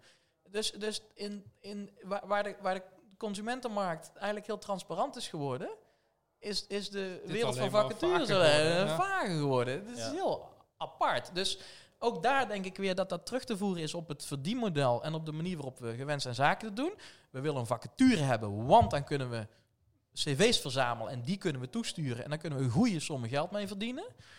Eh, maar de vraag is of dat, of dat echt eer doet aan je vak, aan je beroep. En ook of je daarmee gewoon kwalitatief goede eh, service verleent? Ik denk het niet. Nee, dat ben ik met je eens. Ja. Is heel discutabel, ja. Ja, zo, hè, zowel naar, je, naar, je- naar, de werkgever als naar die, naar die kandidaat, die, die echt, ja, echt geholpen of, of niet, niet geholpen is met zo'n brei aan, aan vacatures. Dit is wel het grote verschil tussen bureau recruitment en corporate recruitment. Ja, denk ik. Met corporate zeker recruitment zet je iets meer naam Ja. van je werkgever op het spel. Absoluut. Eh, Ja, één één kanttekening daarbij. Bij corporate recruit, recruitment zie je wel weer, eh, vind ik echt heel raar, een enorm verschil tussen vast en flex in, in dit opzicht. Want vast wordt heel goed, eh, heel, heel, heel secuur en zorgvuldig gedaan. Flex een branding. beetje, eh, ja. En flex, inhuur. Ik heb het zelf gemerkt. Ik heb lange tijd voor een grote eh, chocoladefabriek in Veghel recruitment gedaan vanuit een bureau. En waar ze dan enorme budgetten hebben voor employer branding en recruitment als het gaat om vaste functies. Leggen ze die tijdelijke rollen, die leggen ze bij via een, een MSP, leggen ze die bij meerdere bureaus neer. Ja, en, en, en, en, en die vacatures die komen overal en nergens. De een is wel eh, transparant over welke werkgever het is, de andere niet. Bij de een staat wel een salaris of een, of een tariefindicatie van, bij de andere niet. Dus het is heel raar. Dus enerzijds zeg je van ja, nee, we, we, willen heel zorgvuldig een employer brand opbouwen en dat koesteren. Maar als het om die flex gaat, dan weet je wat, dan gaan er acht bureaus met ons employer brand aan de haal. Die mogen allemaal eh, met onze naam adverteren. En hoe, hoe zo'n vacature eruit komt te zien, interesseert ons eigenlijk niks. Nee. Als ze maar op tijd met die cv's aankomen. Ja. Dus dat is ook wel een, een raar verschil. Je ziet natuurlijk ook wel daar een ver- verandering. Dat wordt dan total talent management genoemd. Ja, preferred suppliers neem je dan, hè? En die preferred suppliers kun je dan, kun je dan nemen. Maar daarvan zie je natuurlijk ook wel weer. En daar hebben de corporates ook, als het gaat om vaste functie, niet altijd invloed eh, op. Dat hun vacatures ook wel weer gescraped en gespiderd worden. Hè? Dus, dus ja, dat, dat web, dat woud aan vacatures, eh, waarvan dus een heel deel verouderd is, al lang niet meer bestaat. Of zelfs ja, fictief is, wat soms ook nog wel eens gebeurt. Ja, dat is, dat is voor de kandidaat, voor de sollicitant, Heel, eh, toch wel heel vervelend. Helemaal eens. Ja. ja, wat doe je daaraan? Ja, Dat wa- is wa- ook wa- uit- ja dat, ja. dat is heel moeilijk, hè? Ik Dus denk dat Google voor Jobs hier een groot ja, verschil in gaat ook, maken. absoluut, absoluut, Ja, absoluut. die stelt echt die kandidaat centraal. Hè? Ja. Ehm, Nou, ik, ik denk ook dat, dat, is, maar dat is misschien een beetje een ander onderwerp, eh, maar dat grenst wel aan wat ik hier heb gezegd. En, en ik denk ook wel dat jullie dat proeven uit mijn woorden, zoals jullie me kennen. Eh, die, die, die, eh, het is heel raar. We hebben afgelopen vijf eh, à acht jaar een enorme shift gezien in de arbeidsmarkt van de macht van de werkgever naar de sollicitant. Maar, en dan terugkomend op het verdienmodel, geen enkel bureau, ik ken geen enkel bureau die nu heeft gezegd, wacht even, volgens mij is die werkgever niet meer onze primaire klant, maar is dat die sollicitant? Ja. Dus dat is raar. We hebben met z'n allen gezegd, hé hey, verrek, de sollicitant is in de lead, zeker in bepaalde beroepsgroepen, IT, data, security, maar ook onderwijs, zorg. En we zijn altijd nog achter die werkgever aan het aanhollen als het gaat om functie-eisen. Maar niemand vraagt zich af wat die sollicitant nou echt belangrijk vindt. Ja. Althans, Ja, we ja. vullen het in. Ja, en, en, en dat is denk ik cruciaal voor een goede intake. eh, om er dus achter te komen inderdaad. Hè. En dat kan deels door middel van data, eh, deels door inderdaad hè, een goede intake te houden. Wat vindt die kandidaat nou belangrijk? Ja. En dat te laten terugkomen Ja. in je vacaturetekst, zodat er een stuk herkenbaarheid is voor die kandidaat. Ja, Eh, en, en, maar, maar, echt, maar, maar als je echt verplaatst in wat die kandidaat belangrijk vindt, dan kun je het allemaal wel hebben over vrijheid en verantwoordelijkheid en doorgroeimogelijkheden. Maar het gaat er vaak echt om basale dingen van, ja, god, op woensdag, ja, dan breng ik de kinderen naar de opvang en dan kan ik eigenlijk niet eerder als half tien op kantoor zijn. Is daar een probleem? Daar gaat het om. Ja. En, precies. en, maar, maar, eh, en als dat kan bij je als werkgever, ja, top, super. Maar vermeld het. Vermeld het, Ja, exact. noem het, Ja. noem voorbeelden. Dat dat kan bij ons. En dat je dan daarna nog s'avonds een paar uurtjes werkt, omdat je dat dan eh, fijn vindt om te compenseren. Ja, helemaal top. Eh, weet je, maar, maar, maar daar is eigenlijk niemand mee bezig. We zijn allemaal als recruiters heel erg bezig geweest, zeker afgelopen jaren, om... we, we, we, hebben, we hebben natuurlijk de mond vol gehad hè, van candidate experience en candidate first en, en de sollicitant als klant. En ja, we hebben er ook wel werk van gemaakt. eh, In de zin van eh, vacatureteksten waarbij eh, marketingpersona's zijn gebruikt. doelgroepen dashboard. Dus, dus op basis van data veel meer naar de, naar de doelgroep gekeken. Maar we zijn, oh, tegelijkertijd is er niet zoveel veranderd in het verdienmodel. Die werkgever die blijft de betalende klant. Dus die blijft ook toch vaak de bepalende partij. En eigenlijk zou je zeggen, zouden we veel, meer toe moeten naar een soort impresario-model. Geert-Jan van Waas, eh, Waasdorp heeft het al eens eerder geopperd. Waarin je dus zegt, ja, ik ben recruiter, maar ik werk niet meer voor werkgevers. Ik werk Ik voor werk voor, een sollicitant. Aaltje doet het heel erg volgens mij, hè? Ja. daar, eh, Ja, ja ik ben zelf ook bezig om, eh, om een nieuw model, concept ja? in de markt te zetten. Top. Ja, dus ook het tipje van de sluier. Maar Top. ook, daar maak ook je het verschil mee. ook, ook inderdaad, dat je ook zegt van wat ik net al een beetje zei. Ja, wacht even. Eh, jouw sollicitant is mijn klant. Dus als die in procedure gaat, dan wil ik eerst weten hoe die procedure eruit ziet, met wie die komt te spreken. En eh, binnen welk tijdsbestek dat is. Het moet gewoon een prettige ervaring zijn. Eh, en dat we ook duidelijk hebben van ja, dit is het functieprofiel, dit zijn de functie-eisen en, en de wensen en dergelijke. En niet in één keer toch iets anders, hè? Ja. Toch, oh oh ja, nee, we, willen, we zijn er toch achter gekomen dat we iemand zoeken met ja, toch ervaring uit die of die hoek. Ja, jongens, kom op, dat kan niet. Dat kan niet. Wat me moeilijk lijkt is, twee jaar geleden lukte dit model denk ik nog niet. Er was er nog veel meer de werkgever die, Ja. die echt de macht had, omdat het toen nog wel een beetje los was. Ja, Nu heb je de corona, waarin de vacatures volgens mij nu al, wat is het, Mm. 30% ja afgenomen zijn? de- absoluut. Ik denk dat je, hadden we corona nu niet gehad, dan was dit het moment Ja. om dat model te introduceren. Nu is het even afwachten nu wat er het gaat afwachten, gebeuren. Alleen dat daar kom je wel op een mooi punt. Dat is precies de vraag en, en ook de keus aan ons. Wat doen we ermee? Wat doen we nu? Ja. Zeggen, zeggen we nu van nee, we, we vinden toch... Nu zien we dat die kanteling als het ware weer teruggaat... en waar die werkgever toch wat eh, meer ja, te zeggen gaat hebben. Gaan we dan ook die belangen weer hoger op de agenda stellen? Gaan we dan ook stoppen met het hebben over candidate experience? Gaan we ook stoppen met eh, het credo candidate first? Gaan we daarmee stoppen? Of zeggen we van, hé, hey, wacht even, we gaan onze insteek niet laten afhangen van het e- economische eh, wetmatigheid van vraag en aanbod, maar we maken een, een keuze omdat we zeggen, hé, hey, wacht even, we hebben gezien hoe belangrijk het is dat die, die werknemer lekker in zijn vel zit en goed op zijn plek zit. En dat nou, hij of zij een fijne sollicitatieervaring heeft.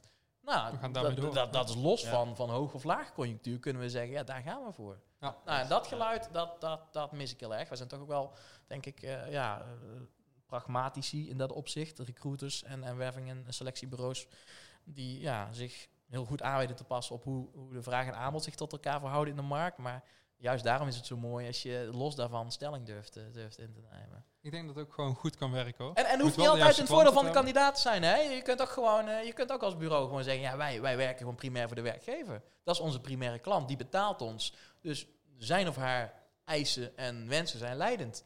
Prima. Maar wij, wij, wij zijn natuurlijk Ja. altijd zo, ja, wij, zijn, wij zeggen, ja, we zijn bemiddelaar, dus we proberen alle ertussenin. Maar ja, het is, dat is allemaal niet zo spannend. Het is nou een keer spannend als we zeggen, ja, we kiezen echt, we kiezen een kant.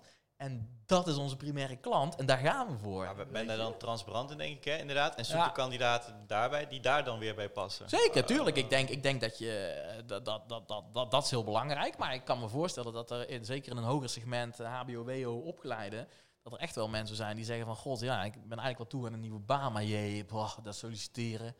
Verschrikkelijk. Eh, wa- Waar, waar, moet ik beginnen? Waar, waar, waar vind ik voor mij passende, passende vervolgstap? Welke organisaties zijn er bezig met vraagstukken waar Ja. ik vanuit mijn expertise eh, een meerwaarde heb? Ja, in dat opzicht is een heel mooie vraag Ja. naar een soort impresario-model. Waarin je zegt van, god, hey, ik ga als recruiter, als jouw zaakwaarnemer, ga ik de markt op. En jouw eisen en jouw wensen en jouw belangen staan voorop. En niet die van die werkgever. Zou zomaar kunnen. Top zijn, ja. En ook helpen met zo'n persoon van, wat, wat wil je nou eigenlijk? Wij Ja, hebben de ervaring om te weten wat er in een bepaalde functie... Zeker. Ik denk dat er heel veel mensen eh, niet altijd helder voor ogen hebben wat die, hoe die vervolgstappen uitziet. Maar eh, daar kunnen wij eh, een hele helpende rol, rol in spelen. Eh, Ik had laatst met, met Koen Rozen nog op LinkedIn een discussietje over van ja, die zei van ja, dat candidate experience, is, eh, allemaal we werken gewoon voor werkgevers. Die nam dus die, dat, dat, die stelling in, wat ik heel erg waardeer. En die zegt van ja, maar we, we zijn geen loopbaancoaches. Hè. We zijn niet bezig met werkgeluk van, van, van, van werknemers. Dat zou wel kunnen. Dat zei ik dus ook tegen hem. Ik zeg, ja maar Koen, het, het zijn toch geen, het is toch niet dat je of het een of het ander moet doen. Sterker nog, volgens mij als wij nou wel met dat werkgeluk bezig zijn, van die sollicitant worden, Canada, nou dan bedienen we ook die werkgever fantastisch. Ja. Snap je? Dus eigenlijk is de keus voor, eh, voor die kandidaat of sollicitant als klant, eh, die klinkt een beetje cru naar de werkgever, maar is het totaal niet. Uiteindelijk is het een gemeenschappelijk belang om iemand ergens nou ja, een prettige ervaring te geven. En uiteindelijk ook eh, op een plek te laten landen waar Ja, die echt eh, duurzaam, een duurzaam duurzame... te laten werken. Precies, Ja, precies. Ja. Ja, grote probleem wat ik voorzie is dat eh, de meeste recruiters echt te veel vacatures op dit moment al Ja. hebben. Die, iedereen loopt achter de, achter de feiten aan, bij wijze van Ja. spreken. Daarom wordt het ook vaak zo'n dozen verschuiven. Van, Ja. oh, ik heb hier een cv'tje, kijk jij maar even. Want Precies. ik heb nog twintig Ja, vacatures. nou, Eh, absoluut waar. En eh, de, de- verschijnt elk jaar die, ehm, eh, dat rapport van eh, Intelligence Group, Ja, hè, waarin dat eh, Ja. aan- aan, aan bod komt. En volgens mij 2019 of 2018 was het, ik weet niet meer, bleek ook dat eh, de, eigenlijk de, de best presterende bureaus waren de bureaus waar de consultant ehm, gemiddeld zeven vacatures in de portefeuille Ja. Even uit mijn hoofd hoor, Ja, Eh, eh, pin me er niet op vast, maar ik dacht, Rond die dacht, koers, dacht klopt. het wel. Ik ken het rapport. Dus ja, dat zegt wel veel. Hoeveel heb jij er? Eh, nu, eh, op dit moment, ja, ik, ik, ik heb er vier. Maar één, één, daar zoek ik me- meerdere mensen voor. Dus de kan doorlopend je heb ik wel veel werk aan. Maar goed, dus in feite één, één functie, één richting, zeg maar. Dus dat Ja. telt gewoon voor één. Ik heb eh, wel bij bedrijven gezeten waar recruiters rondliepen met 60 vacatures. Ja, dat kan je niet. zeker. Dat kan gewoon Ja. niet. Kan je dat, kun je, niet. dat kun je niet. En daar moet je ook mee oppassen, want dat, dat gaat je gewoon juist... eh, eh, dat gaat gewoon een slechte kandidaatervaring opleveren. Ja, dan heb je veel ja. meer de business nodig om het stukje recruitment te Absoluut. doen. En dan moet je het Dat anders je- inrichten. Of Ja. dan moet je ook echt zeggen van ja, dan gaan we eh, het slim met, met een stuk marketing aanpakken. Met, met chatbots bijvoorbeeld een stukje Tools, preselectie ja, doen, precies, tools. Eh, maar altijd oppassen jongens, want wij kijken er heel erg business-wise naar. Als een, eh, een, een, een, een conversievraagstuk. Eh, maar het blijven ook altijd wel mensen die ja, toch ergens anders gaan werken. Ja. Wat hoe dan ook altijd impact heeft. Dus, Ja. dus dat, dat Ja. moeten we niet Ja, nee, nee, vergeten. ja, zeker. En over die impact gesproken, die impact is, is, is groter dan bijvoorbeeld inderdaad eh, het kopen van een nieuwe auto Ja. of verhuizen. Eh, de impact van een nieuwe baan is groter dan dat. Ja, die is ontzettend eigenlijk groot. wordt nog maar te weinig bij stilgestaan, Ja. vind ik altijd, vanuit recruitment Ja, en vanuit organisaties. ehm, dat het een hele belangrijke keuze is. Ja, je ziet bij RPO-organisaties zie je het heel sterk. Dat wordt, de- zij zijn volgens mij heel goed in, in het neerzetten van een heel, heel, heel sterk proces, hè, een recruitmentproces. En dat heel ja, projectmatig aanvliegen. Eh, en dat is supergoed. Maar je ziet daar ook wel weer dat, ja, dat zakelijke, de, ja, dat, de- die kandidaatervaring die staat wat minder centraal daar. Ja. Eh, maar goed, eh, ik denk dat dat echt afhangt van de, de specifieke wervingsvraag van de inhurende organisatie. Ja. Maar vergeet nooit dat je altijd met mensen te maken hebt die ja, eh, aan het wikken en wegen zijn. En met thuisfront moeten overleggen van... God, is dit iets voor mij? Eh, eh, wat vind jij ervan?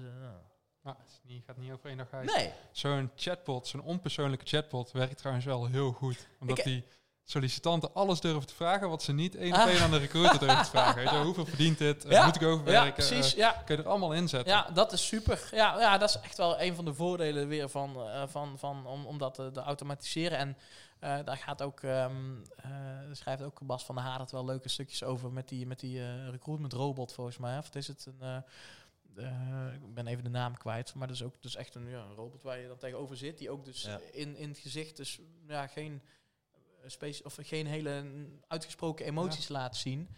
We hebben die gemist. Die was op Talent Acquisition. Ja, erbij. volgens mij was die daar. Ja, ja. ja. Ai, Jammer. Hoe heet die nou toch? Ja, ik ben even- Ik weet welke je bedoelt. Ja. te zien. ja maar zeker, dat, dat, dat, dat, zijn allemaal dingen die denk ik best wel belangrijk zijn om echt serieus mee verder te kijken. Hoe we daarmee ja, het proces eh, fijner maken voor misschien wel alle partijen. Hè?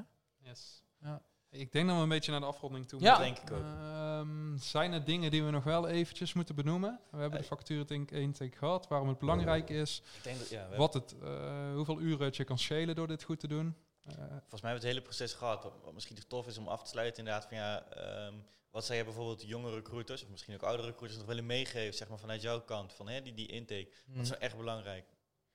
Ja, dat is een goeie. Ehm, wat, ik ze, wat ik ze heel erg gun is, is, is, een, eh, is een, eh, een senior of een meer ervaren recruiter die ja, hun meeneemt in het proces en die, die, die, ja, die het vak leert, om zo maar te zeggen. Eh, je ziet toch wel dat veel jonge recruiters best wel snel hoe heet dat, voor, de, voor de leeuwen geworpen worden, dieper gegooid worden. ook goed. En dat is ook goed. Hè? Ja, zeker, dat is heel goed. Want het is, een, het is echt wel best wel een, een rauwe business. Hè? Dat is natuurlijk ook wel een van de ja, uitdagingen in ons vakgebied. Heel veel mensen worden geen- recruiter. ja. het is, het is, Dus, het is, je eh, hebt geen vooropleiding. Je hebt geen bepaalde, dingetje, ja. bepaalde aanlooproute. Dus dat kan allemaal. Maar je ziet ook wel weer een enorme uitstroom aan... eh, Klopt. ja, zeker in, Ja. in, in de junior eh, taak. Want, want stel, hè, gekscherend, Ja. Piet, die gaat morgen starten bij organisatie X. En die, hè, die, die, die wordt morgen aan zijn bureautje gezet. Laptopje, alles goed geregeld. Ja. in het kader van de candidate experience, onboarding, alles goed. Ja. Ehm, welke drie tips zou je hem willen meegeven voor een goede intake? Heb het lef om jezelf als expert te zien. Dat is één. Want die hiring manager, die, als het goed is, weet hij heel goed wat hij nodig heeft en wat niet. Maar jij spreekt dagelijks met kandidaten. Jij bent de kenner van de arbeidsmarkt. Ja, Dus goed. jij kunt hem vertellen hoe reëel zijn verwachtingen zijn of niet. En kunt hem daarin adviseren. Ik wil twee dan wel doen. Eh, wat ik heel vaak meemaak is, eh, dan ben je bij zo'n intake geweest en dan krijg je termen mee van, ja, waarom is, waarom is deze job vet? Ja, we zijn flexibel, eh, dynamisch, eh, al dat vakje gewoon meteen terugschuiven. Ja. Daar, daar kan je helemaal niks mee. Dat Nee. staat in elke vacature. Ja. Ik denk dat dat ook echt een hele goede Dat is. is echt een hele goede. daar niet mee naar huis te gaan. Echt, echt hoeveel dynamische werkomgevingen kan er bij je zien komen. Ja, en dat is het. Heel veel vacatures zijn gewoon zo generiek geschreven. Eh, het, het- het- het zou overal kunnen zijn, maar terwijl juist... Dat is misschien wel een goeie. Nog, nog een goede tip om jonge recruiter mee te beginnen. Tip 3. Echt Ja. een goede copywriters cursus. Ja, ik ben ontzettend fan van Mitch Sullivan, eh, Engeland. Die kerel, de copywriter, dat is een hele scherpe, eh, ja, af en toe heel sarcastische kerel. Maar, maar die, schrijft, die schrijft job ads echt... Er zijn maar twee of drie regels waar- waarmee je meteen klikt en meteen verder wil lezen. Ja, ja, ja. En die gaan helemaal niet over dynamische werkomgeving of vrijheid of Toch weer verantwoordelijkheid. dat stukje marketing. Ja, tuurlijk, Ja. absoluut. Daar heeft het mee te maken. Maar zolang wij, zolang tekst een belangrijk communicatiemiddel is in onze branche, ja, moeten wij, moeten wij textueel echt veel beter worden, jongens. We moeten echt leren schrijven. Ja. Echt, echt, echt. Ja, helemaal mee eens. Tof. Ja, leuk. Sorry, ik vul hem nou in voor jou. hè. Nee, maar dat, dat, dat, dat, heeft, dat heeft hartstikke goed gedaan. En, en eh, wat, wat daar belangrijk is inderdaad, ju- juist inderdaad die, die context, de tekst schrijven, dat het goed is. Eh, en, en dat je daar kijkt van, hè, wat zijn nou echt die unique die selling points van, van de organisatie? Eh, Ja. Waarom is het nou zo tof om bij dat team te werken? Ja. Eh, dat is met name belangrijk voor, voor hè, met name voor die nieuwe generatie. Zeker. Wat ga ik doen? Hoe ziet het team eruit? Ja. Hè, en en, en hoe, ziet, hoe ziet de verloop van het team eruit? Is het een vacature ontstaan omdat we gaan groeien? Daar trek je al andere mensen mee dan dat het gewoon een opvulling is van iemand anders. Zeker. Ja, probeer naar al die facetten te kijken en probeer dat in je Ja. vacaturetekst te Die verwerken. hebben we niet eens besproken, terwijl die heel belangrijk is. Die, de, de, Waarom de is deze ontstaan van vacature de, ja, ja, ontstaan? ja, Ja. zeker. Dat, is, dat is een hele goede vraag. Absoluut. Absoluut. Ja, zeker. Ja. En juist voor een start-up, daar trek je bepaalde mensen mee aan. Hè? Eh, jonge, jonge ondernemende ge- geesten hè, die het leuk vinden Ja. om voor een goede organisatie te werken. Dat is al anders dan... eh, hè? We, we vullen Klaas de HR-adviseur op, want die bent al de zevende deze Ja, dit, dit precies. jaar. Hè? En, eh, ja. ja, Ja, ja. maar, dat, maar dat is dan weer dat riedeltje. Hè? Van, van we zijn op zoek naar. Ja. en die houdt zich bezig met. eh. Ja. Ja, jongens, dat is geen verkoop, hè? Dat is geen, dat is Nee, geen, dat, dat, dat, dat, Ja. dat is geen tekst, hè? Dat, dat. Super. Maar, Ja. Juriaan, be- bedankt denk ik eh, namens eh, ons. Eh, super tof dat je hier was. Ik ja, denk, jongens, jullie heel erg bedankt. Het, Ik denk dat de dat luisteraars... wil ik elke week wel doen, maar. maar ik vind, nee, nee, ik vind, echt, ik vind het een super initiatief. Ik denk dat dit, dit, dit soort initiatieven echt een hele mooie bijdrage gaan leveren aan, aan, aan ons vakgebied, aan de ontwikkeling van, van, van dit vak. Het is natuurlijk een prachtig vak, want je hebt, je hebt van alles wat. Hè. Het is marketing, het is sourcing, het is eh, research, het is eh, interpersoonlijke vaardigheden, het Ja. is sales. Ja. Het is super, daarom doen ook veel mensen dit en kunnen ook veel mensen eh, dit. Maar daar, dan, dan betekent ook dat we ja, de, de echt wel met elkaar moeten werken om, om nou ja, de, de keep up the standards, om zo maar te zeggen. Hè? Dus om, om het niveau hoog te houden. Eh, en ik denk echt, en ik vind het super mooi, ik denk echt dat dit initiatief eh, daaraan eh, gaat bijdragen. Hier, ook het ook. Nice. Tof, leuk Ja. om te horen. Nou, echt. super. Dankjewel Dank- in ieder geval. dank jullie En, wel. ja, Yes, dit was hem alweer. De tijd is voorbij gevlogen. We hopen in ieder geval dat de vacature intake voortaan een groot succes voor je gaat zijn. De volgende aflevering gaan we de diepte in over het schrijven van een wervende vacaturetekst. En dit blijkt hard nodig, want volgens onderzoek van de vacatureverbeteraar en Unique blijkt dat 92% van de vacatureteksten een onvoldoende scoort. Wil jij hier wel in uitblinken? Abonneer je dan via onze website weachieve.nl en ben de eerste die toegang heeft tot onze nieuwste afleveringen. Voor nu bedankt en hopelijk tot snel.